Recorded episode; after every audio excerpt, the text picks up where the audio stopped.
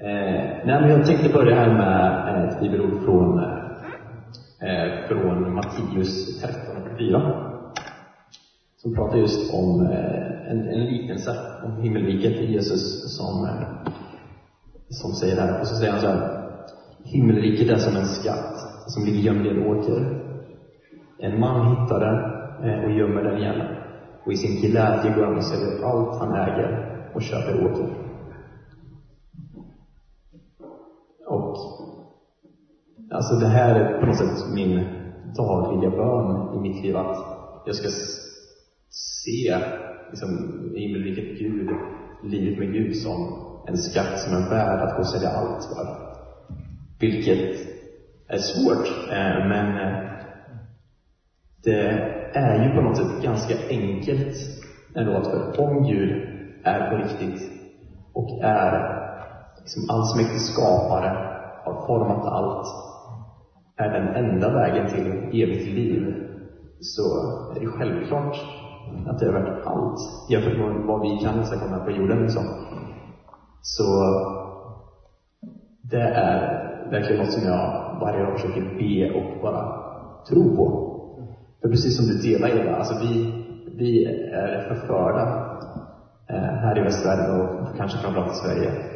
Och det är så lätt att glida med i allt annat som händer. Eh, och skola och jobb och eh, vad någon har status, har pengar. Allt det där bara är så lätt att det glider in i, i våra liv. Eh, så det blir svårt att liksom tro att ja, men det är någonting som är mycket större än allt det här. Något osynligt som är samtidigt så verkligt som vi inte ser. Och att, alltså, det tänker jag vår uppgift som församlingar är att komma tillsammans och stötta varandra och påminna varandra om att det är någonting mer. Vi måste sträcka oss efter mer och ta emot det Gud har för oss. Eh, så, men jag tänkte börja med en liten, en liten background story om vem jag är. Eh, så jag är nu 25 år gammal. Eh, pluggar till gymnasielärare här i Göteborg. eh, flyttade hit för drygt ett år sedan. Eh, men eh, om vi backar tillbaks till början så föddes jag i Stockholm. Eh, jag har en mamma som heter Annika, pappa som heter Patrik. Pappa Patrik är bror med Viktors pappa Tobias, som är här. Och sen har jag en storebror som heter Oskar och en lilla syster som heter Elin. Så i Stockholm bodde vi bara i två år. Sen så flyttade vi till Nyköping. Där jag spenderade eh, mesta delen av min barndom. Eh, så vi bodde i Nyköping från att jag var två till att jag var tretton. Och eh, eh vi flyttade dit för att mamma och pappa planterade Nyköping vinjard tillsammans med, eller han hängde på Gullug och Mats och några andra. Eh, så, men sen så var mamma och pappa pastorer där. Och eh, i församlingsplanteringar och som många vinnare församlingar i Sverige så var vi ganska små. Och att gå till kyrkan som barn tyckte jag var väldigt tråkigt. Eh, för det fanns inga i min ålder. Eh, och jag såg bara folk eh, komma samman så här och sen så står man och sjunger sånger och sen pratar någon om något som jag inte förstår. Och sen så, ja, var det allt liksom? Typ. Och eh, Alltså, jag tvivlar inte på att saker hände i Nyköping Vineyard när jag var med. Liksom, men jag såg aldrig att Gud på riktigt. Liksom, och fick en ganska tidig sig till att jaha, det här är ju konstigt. Så, var väl säga, något man följde med på och tänkte, okej. Okay. Men eh, såg jag aldrig att Gud var på riktigt. Eh, på något sätt. Eh, tänkte inte så mycket mer på det. Eh, eh, fortsatte gå i skolan. Tyckte om att eh, ja, spela fotboll och leka. Eh, sånt. Eh, och sen så var det en dag i fyran, så är det en kille i klassen som kläcker ur sig så här att ja, är man kristen så är man dum i huvudet. Och eh, det var liksom första gången jag typ konfronterades med ja, min tro. Jag eh, ifrågasatte direkt och liksom, ja men tror jag ens på det här?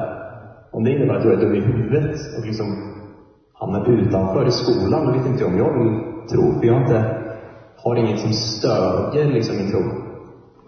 Så då, då kände jag att nej, det här är mamma och pappas grej. Eh, det här vill inte jag bekanta mig med riktigt. Så tog avstånd från, från det. Eh, och sen i slutet på sexan så eh, bestämde mamma och pappa att vi skulle flytta till Sydafrika ett halvår.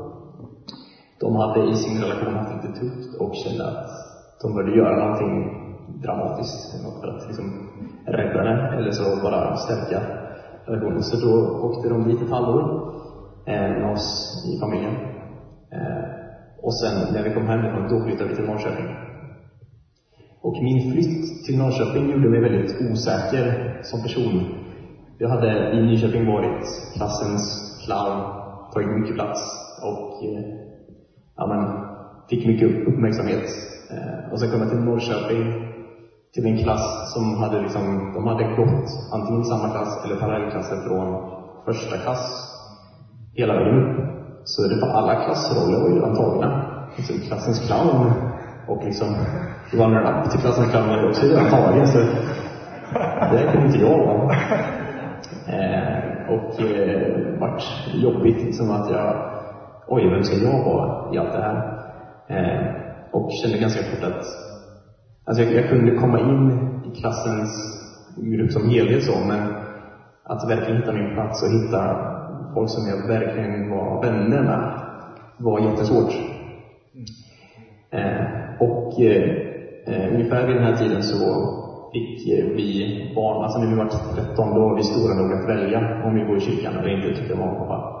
Det var jätteskönt, då kunde jag välja att sitta hemma och spela datorspel istället. Eh, så gjorde jag det. Eh, och eh, ja, fortsatte liksom, tänkte inte, reflekterade inte på Gud riktigt. Var på vinjarläger varje sommar. Eh, jag var en av dem som varit på alla vinjarläger än så länge. eh, och det, det tyckte jag ändå var kul, för då fanns det ju liksom barn i min ålder som jag kunde hänga med och, och så. Men mötena och gudstjänsterna var fortfarande inget som jag såg på riktigt. Och sen under den här tiden så hade jag, alltså, Winners är ju liksom karismatiska och det händer ju grejer. Men eh, jag har inte riktigt fått det här förklarat för mig vad det var som hände, utan det jag såg var att folk står och skakar och gör ljud, och talar i tungor så här. Men jag hade ingen aning om vad som hände liksom på insidan hos folk. Så jag tyckte att det bara var konstigt och trodde att många bara ville ha uppmärksamhet. Därav en av min pappa brukar få ganska mycket sådana ryck och så här. Väldigt eh, lätt andligt påverkad och så. Eh, och så var, jag har speciellt en, eh, en grej, jag tror jag var 14 eller 15, så hade jag skadat knät tror jag i, i fotbollen. Och sen ville pappa be för mig.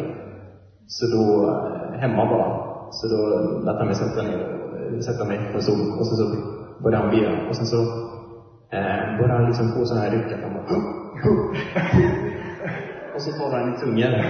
Och alltså, min pappa menar jätteväl och alltså, nu tycker jag verkligen att han är så liksom, duktig och frimodig, att han vågar. Men han har förklarat för mig vad det var han höll på med, eller så. För det enda jag ser är att han, han liksom gör värsta grejen. Ingenting händer med mitt knä. Så jag bara, alltså varför? Jag, jag fick sån avsmak liksom för, för kyrkan och Gud tyvärr. Så, ja. Eh, så, ja, jag var inte så taggad på kyrka. Eh, eh, och sen när jag började gymnasiet så var jag inte kluven, för då hade jag dels var jag ganska osäker i vem jag skulle vara. Jag hade även fått med mig många värderingar av mamma och pappa. Eh, man ska liksom vara snäll, rättvis och god och så vidare. Men jag hade inte riktigt någon anledning till varför allt det här.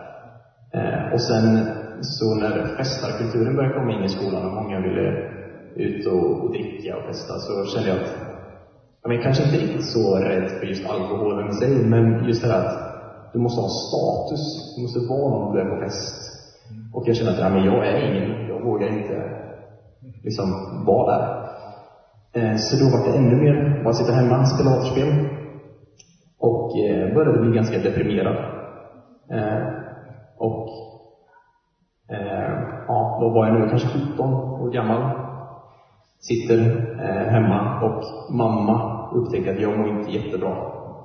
Så hon eh, säger så här att, ja men, det finns ju en eh, ungdomsverksamhet i Korskyrkan i stan. Ska inte testa och gå dit bara? Testa liksom. Och vid det här tillfället så kände jag att ja, men jag kan göra vad som helst. Typ. För jag, jag hade inga vänner som jag hängde med utöver skolan. Utan I skolan kunde vi, alltså kunde jag skämta liksom och ha hyfsat kul. Det var väldigt ytligt bara. Så jag kände, ja, nej, men jag, jag följer väl med dit en gång. Kommer in dit och alltså jag bara slås av hur snälla folk är.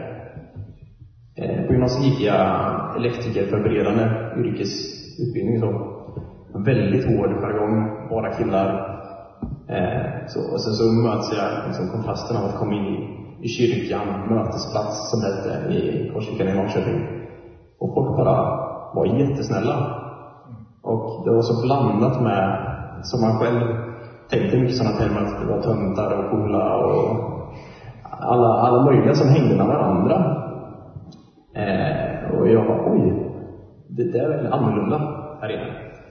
Jag Kände att, oj, här, eh, här vill jag komma tillbaka till. Och så bara liksom för det sociala började gå dit varje fredag, Jag tyckte det var jättebra. Eh, satt med på gudstjänsterna som vi hade.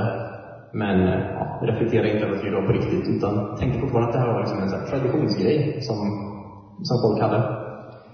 Eh, men efter ett år av att gå dit regelbundet, och även kanske de, eh, de två senaste Vineyard-sommarlägren där kunde jag se att hos vissa av mina kompisar så verkade det vara äkta. Jag kunde liksom se hur de lovsjöng eller hur de pratade om Gud och hur det syntes i deras ögon att ja, men det är någonting som är äkta för dem. Och det här, de, de vill inte göra, liksom, de vill inte lyfta händerna för uppmärksamhet, utan många kunde gå längst bak och göra det för sig själva. Och det har varit på något sätt en integration för mig att, ja, men Gud kanske faktiskt kan finnas. Eh, så jag började någon gång ibland våga mig fram till förbön eh, för att jag ville, jag ville få någon form av bevis att Gud finns och bad till Gud att om det finns Gud, då vill jag ju ha dig.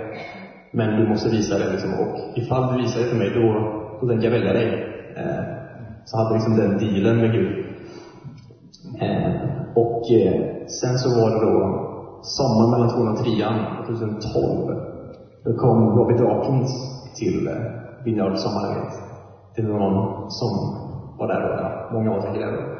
Men eh, alltså jag hade hört många predika om ställen från Bibeln och så, men när Robbie predikade så hade han varje bibelställe hade han kunnat backa upp med vittnesbörd från sitt liv. Helt sjuka vittnesbörd om helanden och gängmedlemmar som kommer till tro och samhället de bor i förändras på grund av vad de gör som kyrka. Och liksom, i mina öron så är det som att han liksom är en mindre variant av en superhjälte, typ. Eller så här, i hur han berättar. Han, liksom, han går fram och ber för den som har liksom brutit benet eller är lam, och så blir han hel. Liksom. En, min, en mindre variant? ja. Inte mindre, han var ganska stor. Alltså. Ja, nej men. Jag satt där och tänkte om det här är på riktigt, är det helt galet bra. Eh, men jag var lite osäker på om det var på riktigt. Eh, men sen efter han hade predikat färdigt så var det ju dags för inbjudan för förbön. Och jag bara kände mig helt dragen fram till förbönsplatsen. Och då är jag då 18 år gammal och hade inte haft någon form av liksom så här andlig upplevelse. Så så jag går fram dit till förbönen och så har jag de här tankarna att om det finns Gud så vill jag ha dig. Men under tiden jag går fram där så bara känner jag en sån skam, typ.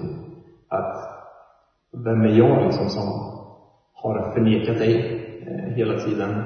Jag är egoistisk. Jag har flera synder som jag brottas med. Eh, jag hade, sen liksom jag började högstadiet, hade jag haft mycket problem med porr eh, och onani-beroende. Så jag känna att det här kan man inte ha om man är kristen liksom. Tänkte då att jag var den enda hela kristna världen som hade det problemet. Det var ju fejk. Eh, men ja, kände mig jättesmutsig. Och så går fram och sen så börjar folk be för mig. Så är det en kompis till mig som får en bild Eh, där de säger att ja, jag ser Jesus ute på en äng och så plockar han en blombukett. Eh, så väljer han ut alla de finaste blommorna i buketten. Och han plockar även dig Eh, och sen när hon sa det så bara brast det för mig. Jag började gråta, jag var helt överväldigad av känsla av frid och bara att jag var älskad, sedd. Och kände att dels bara wow, fantastiskt. Och sen två, oj, Gud kanske är på riktigt. Och bara, då, då är det ännu coolare liksom. eh, och började tänka på, men det här, det här kändes liksom övernaturligt starkt. Eh, men jag var inte helt övertygad än. Och då hade ju Bobby pratat om alla dessa helanden jag hade hört om helanden tidigare. Och, alltså det här är också ganska sjukt, men när vi var i Sydafrika så var ju min storebror helad från reumatism. Eh, ja, vilket man kan tycka att jag borde vara nöjd med kanske. Men, eh, så nej, han hade ju haft reumatism och fått käka medicin varje år sedan han var liten. Hade hon kunnat träna. Många gånger när var i parken och lekte så kunde Oskar typ inte gå hem. Eh, och jag visste inte under den tiden att Oskar käkade medicin varje dag. Utan när jag såg att han hade ont. Så jag hade på något sätt tänkt att han, han var lite mesig typ. Ja, jättedumt. Men eh, jag visste inte att Oj. Jag visste inte att det var så allvarligt. Så jag hade på något sätt, när det hände så tror jag att jag också trodde på det. Och hela familjen, alltså vi firade ju liksom. Och Oskar, ja vi var på gudstjänst och så var det en man som ber framför just helarna, Ber för Oskar. Oskar faller till golvet. Och sen ställer han sig upp och börjar liksom testa, börjar småjogga. Han bara går ut som man springer fullt ös på gräsmattan. Eh, i, ja, nere i Sydafrika. Och bara, det är helt borta. Och sen dess har han inte haft några problem med det. Inte att käka medicin. Ja. Sjukt coolt. Ja. Men jag trodde inte på det. eh, ja, nej men så då, i den här tiden, efter jag hade fått det mötet på mina lägenhet, kände jag att ja, nu måste jag se ett helande, för det har jag inte sett. Eh, så eh, då skulle Mark Marks, eh, som är en snubbe från Nordirland, som flera av er säkert vet, han kom till Stockholm och så skulle de introducera Healing in the Streets där. Så då åkte vi upp ett gäng från Norrköping för att vara med på det. Och då så här, i- i kyrkan så står Mark och berättar om den här modellen och vad man kan få se och liksom teologin bakom att vi har auktoritet det be för människor. Eh, och sen säger man, ja, nu kan vi visa, eller bara praktisera det. Men de här som har ont. Eh, och så var det en kvinna som hade ont i ryggen. Och så sa han, ja, det är ganska många man har olika långa ben om man har är nedre rygg. Eh, är det möjligtvis så? Då säger hon, ja. Då säger han, ja, men vill du komma fram så ska vi be för dig. Och så säger han, ja, är det någon som inte sett ett ben växa ut så kan du komma fram. Eh, det är så, alltså, allt var jätteavslappnat. Och när han säger det, jag bara så, va? Så här, är det ingen här som supertaggad på att se det här? Liksom, har alla sett det här? Är det självklart? För mig så var det helt eh, galet att man vågade säga en sån sak.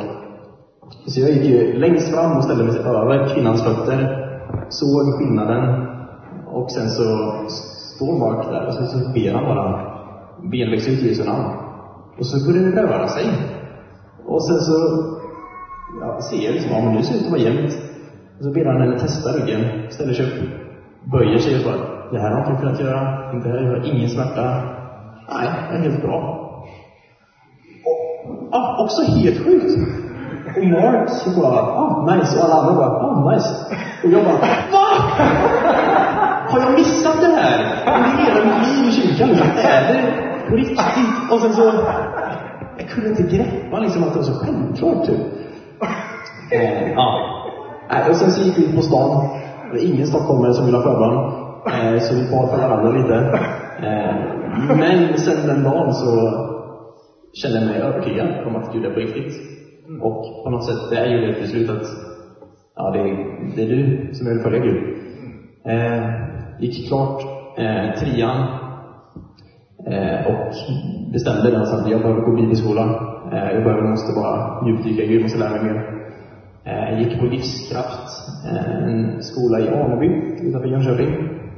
Det lärde mig hur mycket som helst. Alltså det var så bra. Jag fick jag läste min första sida i Bibeln. Eh, jag, jag fick eh, upptäcka att jag kunde möta Gud utanför gudstjänst.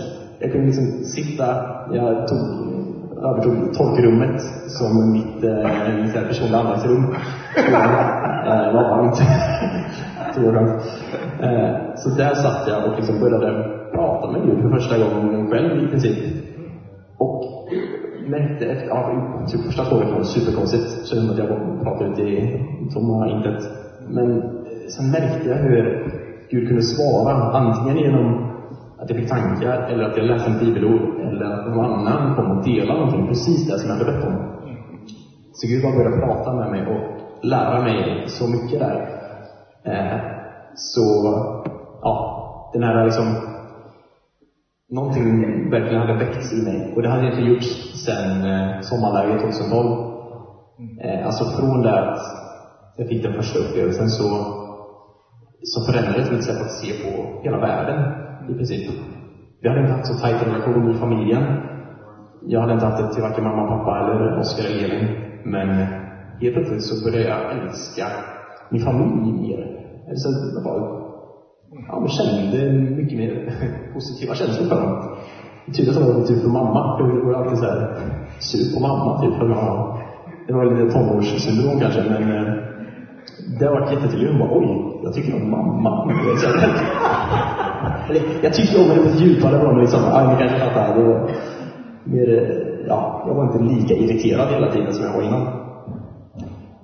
Och jag hade märkt liksom, något har hänt. Jag mådde så bra. Och det var något nytt form av liv i mig.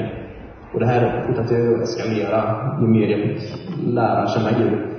Eh, och kände att ja, jag måste bara fortsätta med det här. Och eh, efter bibelskolan kom jag hem till Norrköping. Många pratade under bibelskolan om att när man kommer hem så kan det bli en chock. Och det kan vara jättesvårt att fortsätta sitt, sitt andliga liv hemma. Eh, och det är klart, det liksom på ett sätt är så. Det är mycket enklare miljö att vara kristen bara bland kristna. Alltså alla tänker likadant. Eh, så. Men så jag var jättefokuserad sista månaden på Bibeln att jag, jag måste på något sätt se till att jag inte tappar liksom, tron. För jag, jag trodde ju att Gud var lika verklig som han var på bibelskolan hemma. Eh, bara att det liksom är svårare och det är mycket mer motstånd hemma. Så jag kände att jag, jag bara måste på något sätt fortsätta söka Gud. Och så gjorde jag upp så här tydliga rutiner att jag skulle ta tid med Gud och ja, verkligen försöka, försöka fortsätta. Eh, och eh, kommer hem och tar, ja, man tar liksom tid med Gud varje morgon och ibland på eftermiddagen också och bara fortsätter att möta Gud, eller Gud fortsätter att möta mig. Eh, och blir så uppfylld och så här, taggad på att okej, okay, Gud är med hemma också. Nu ska vi frälsa Norrköping. Eh, och jag hade under vårterminen på ungdomsskolan upptäckt eh, Todd White på Youtube. Jag vet inte om ni vet vem det är, men eh, en amerikan som blivit eh, radikalt förvandlad av Gud och är kanske definitionen av frimodig. Eh, Borde och ber för folk konstant. Det är typ det enda han pratar om. Ja. Eh, och sen så hade jag sett han, liksom, hur han ja, men, är, går i matbutiken och börjar prata med personen i kassan och börjar be för den. Och så bara, men jag har ju en ICA-butik nära mig. Jag, jag får väl också göra det. Satt hemma och typ, jag tror det var en helg, typ en lördag, och satt jag och sjöng lovsång själv hemma. Var jättetaggad och om nu ska gå till ICA. Och så ska jag be för personen i kassan. Eh, den personen kommer börja gråta, bli jätteberörd av Gud. Och sen kommer hon följa med till kyrkan och så kommer det bli. Eh, gå till ICA, fortfarande taggad. Går in där, hittar något godis eller något att köpa. Lägger upp det på bandet och sen så säger hon bara hej. Och säger hej. Ingen mening. Och bara Va? Det är så bara får panik. Och, vad är det som händer? Säger jag. Jag ska ju, jag ska ju frälsa den här personen. Så vad, vad gör jag? Och sen så säger väl hon med så här, är du medlem? Hon bara, ja. ja. så här, hade inget mer att säga och bara insåg att shit, jag är ju superrädd. Eller så här, det är jätteläskigt.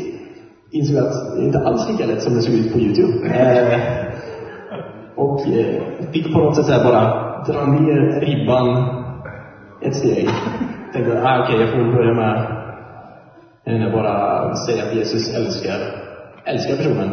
Ja, det, det är inte så många ord, det kan vi klara av. Försökte nästa gång. Jag vågar inte. Jag sa hej. Fick dra ner liksom, ribban ytterligare. Jag vågar inte prata om något kyrkligt eller Gud så här. Nej, jag måste, jag måste börja någonstans. Här. Jag får säga hej, hur är läget? Typ. Ja, det vågade jag säga. Hej, hur är läget? Bra, själv? Bra. Ja, och det var inget mer med det liksom. Men ah, på något sätt eh, så vart det... Ja, jag fick så vart med mycket, mycket liksom. Jag kunde se, läsa bibelstories eller andra kristna som jag såg upp till och bara känna att ah, men det här, när det här är på riktigt så är det här som jag måste sträcka mig efter. Det är det här vi måste se. Och jag vet ju vad Gud hade gjort för mig, att det hade förvandlat mig och jag liksom mår mycket bättre nu. Eller människor måste få uppleva det här. Men det var väldigt svårt att våga. Så jag fick på något sätt bara lägga ribban superlågt i allt och börja smått. Eh, så jag hittade, hittade lite så olika Jag har ni hört termen, eh, termen eh, änglahyss tidigare? Har ni gjort det? Nej, det var inte det? Nej, okej. Eh, men att man så typ i, ja, man bara gör goda gärningar. Ofta skulle det egentligen vara typ anonymt. Då. Eh, så. Jag försökte bara hitta på något sätt praktiska grejer för att sprida kärlek. Eller måste bara ja, visa någonting. För det kändes lättare än att gå fram till någon och börja prata om Gud. Eh, så eh, ja, jag började en grej som jag gjorde på att det gick tiga och så fanns det sådana här eh, Kinder Maxi-choklad. Eh, så det fanns ofta typ så här fem för 15 eller något sånt. Eh, så tänkte jag, om jag ska gå in och så, så köper jag typ eh, köper ett gäng, typ 10-30 eller något sånt. Eh, och sen så bad jag hon i kassan att spara dem där och ge en till varje kund som kom efter typ. Eh, och hon bara, va? Vill du det? Ja. ja. Eh, och så gjorde hon det. Och jag, jag vet inte vad som hände, alltså jag gick ju sen. Men jag började hitta sådana grejer och bara tyckte att det var jättekul. Eh, och eh, liksom började på något sätt ändra mitt tankesätt att det ska bara liksom så in här. Och det handlar inte om alltid om liksom responsen eller så frukten jag ser direkt, utan att få vara med eh, och liksom bygga. Och jag liksom hade fått in det tankesättet av bra undervisning från ja, olika predikanter. Att liksom, det handlar om att vi ska gå in och så bara hela tiden. Det är det vi ska göra. Vi ska så. Och sen så är, ser vi inte alltid resultatet, för man vet inte vilken del av processen i skörden man är. Man kanske bara får, eh, liksom en person kanske behöver tio stycken som representerar Jesus på något sätt för dem. Och så får man vara en av de personerna i processen. Eh, du ser ingenting, men du kanske har en betydande roll. Eh, och bara liksom tro på det. Det har varit väldigt eh, ja, men det var väldigt bra eh, för mig. Och så, så då började jag leta efter sådana grejer att göra. Eh, och en annan liten kul grej som jag eh, gjorde, jag cyklade till jobbet, jag jobbade på förskola, tag i Norrköping. Eh, och sen så var det ett hus i vårt grannskap som hade brunnit ner. Som jag cyklade förbi varje dag. Och så bara slog det mig, eller jag hade tänkt på det innan bara, ah, fy vad jobbigt ifall ens hus brinner ner. Och så slog det mig en dag, och så bara, oj, borde göra något för dem. Eh, så bara, vad kan jag göra? Ja, men jag, jag köper en matkasse på med diverse grejer som man behöver. Och så ställer jag det utanför huset. Eh, och bara lämnar det. Och så får de ta det och så blir de glada. Jag tänker, det blir fint. Alltså, jag tänkte inte riktigt hur jag tänkte. Eh, alltså, det var ju, huset ju totalt ner. Det var ingen som bodde där. jag, vet, jag vet inte vad jag tänkte riktigt där. Men alltså, alltså det stod ju visserligen lite väggar så här. Men det är klart ingen bodde där. Det var inte sönderbrunnit. Jag har gått dit med en ganska tung kasse, ställt där. Och så tror jag det var typ dagen efter jag cyklade hem. Och så var undrar om jag tagit den. Så cyklade jag in på gatan så jag kunde se vad han står kvar. Och sen då när jag såg den stod på, bara, det är klart den står kvar. Alltså det här är ju liksom ett renoveringsobjekt liksom från grunden i princip. Det är, ja. Alltså, jag fattar inte hur jag inte kunde göra det innan. Men ja, poängen i alla fall att jag började leta efter sådana grejer. Att liksom bara praktiskt få se eh, ja, man får liksom nå ut med, med Gud till folk. Eh, och efter ett tag så funkar det liksom. Eller så här, med den här grejen med att prata med folk i kassan på ICA till exempel. Till slut så jobbar jag mig upp till den här nivån av att säga att Jesus älskar dem. Och börjar göra det här regelbundet. Ja, Jesus älskar dig. Standardresponsen var alltid bara, ja, okej. Okay. Ingen bryr sig. Men typ så här, 22 gången eller något jag gjorde det, så var jag, jag var som på någon frisör i Norrköping. Och sen så bara stannar hon i kassan upp helt hållet. Va? Menar du det? Ja, absolut, det gör han verkligen. Så det var precis det jag började höra. Och sen så, så var hon jättetagen och delade med sig att hon hade haft en tuff period typ. Och sen så var ett samtal öppet för att mer kunna så in mer Gud. Och eh, ja, att få se liksom att det är faktiskt på riktigt. Även ifall många gånger, kanske majoriteten av gånger vi försöker, så kanske vi till och med liksom faller platt, eller blir inte av det. Men Gud är fortfarande på riktigt för det. Och vi måste bara fortsätta eh, och göra det liksom för att se att någonting händer.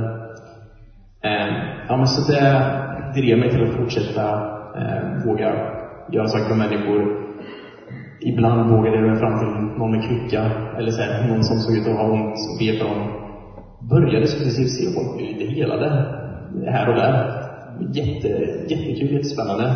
Mest, flesta gånger så var de inte helade, men eh, det är också på något sätt ett, ett frö som sås där också. Eh, så, och tron var levande. Och eh, det är det som jag liksom fortfarande vill leva efter att det måste vara på riktigt. Är det inte på riktigt, då är det ingen idé. Liksom. Då, kyrkan utan Gud är inte kul. Eh, det tycker jag inte. Men med Gud typ så är det fruktansvärt kul. Det är jättehäftigt och att mm, man måste bara liksom påminna sig hela tiden om att det är en förvandlande, livsviktig liksom, ja, Gud, kraft, eh, möte där som människor behöver. Många vet inte om det, men vi sitter verkligen på den här skatten i åkern. Och vi måste bara påminna oss om hur bra den är, för att vi är förförda eh, av, av världen och allt annat. Eh, så, som sagt, som jag sa tidigare, alltså i princip varje dag kan jag sitta här med Gud och bara liksom, typ ber högt Gud hjälp mig tro att jag är på riktigt. Eller så här, eh, bara försöka greppa det. Men många alltså det är jätte... Så bara, om Gud är på riktigt, det är så stort. Att, vadå att vi lever här bara en kort stund typ, och sen så är det en evighet. Att något som är osynligt kan ha sån påverkan och ja, det, det, det är för svårt att greppa typ. Så jag bör ständigt bara påminna, påminna mig och sträcka mig liksom efter mer. Så jag försöker fortfarande eh, liksom göra, alltså Typ- man ska aldrig hamna i att man gör grejer för att man måste göra det. Men på något sätt så blir, för mig så blir det att om jag inte liksom får se eller får utlopp på något sätt. Jag tänker att kristna livet är framförallt liksom bli uppfylld av Gud, men sen ska du ge det vidare.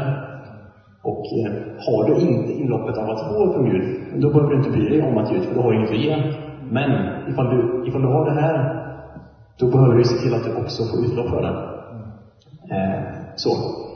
Och eh, jag hade en, nu i tisdags var det, så hade jag känt att nu har jag inte sett någonting hända på väldigt länge. Typ så, och jag har varit jättefokuserad på att bara typ passa in i skolan och så kände jag att jag blivit mer och mer rädd, tappat frimodigheten. Så kände jag bara, jag måste bara göra någonting bara för att liksom bryta det här. Eh, och sen så på vägen hem på cykeln så ser jag en eh, kille gå med krycka. Och eh, hade fördomar om att han såg ganska skön ut. Han, eh, såg ganska enklare ut att prata med. och han, eh, han såg lite så här, eh, lite hippie, hippievarning typ. Det kändes enkelt typ.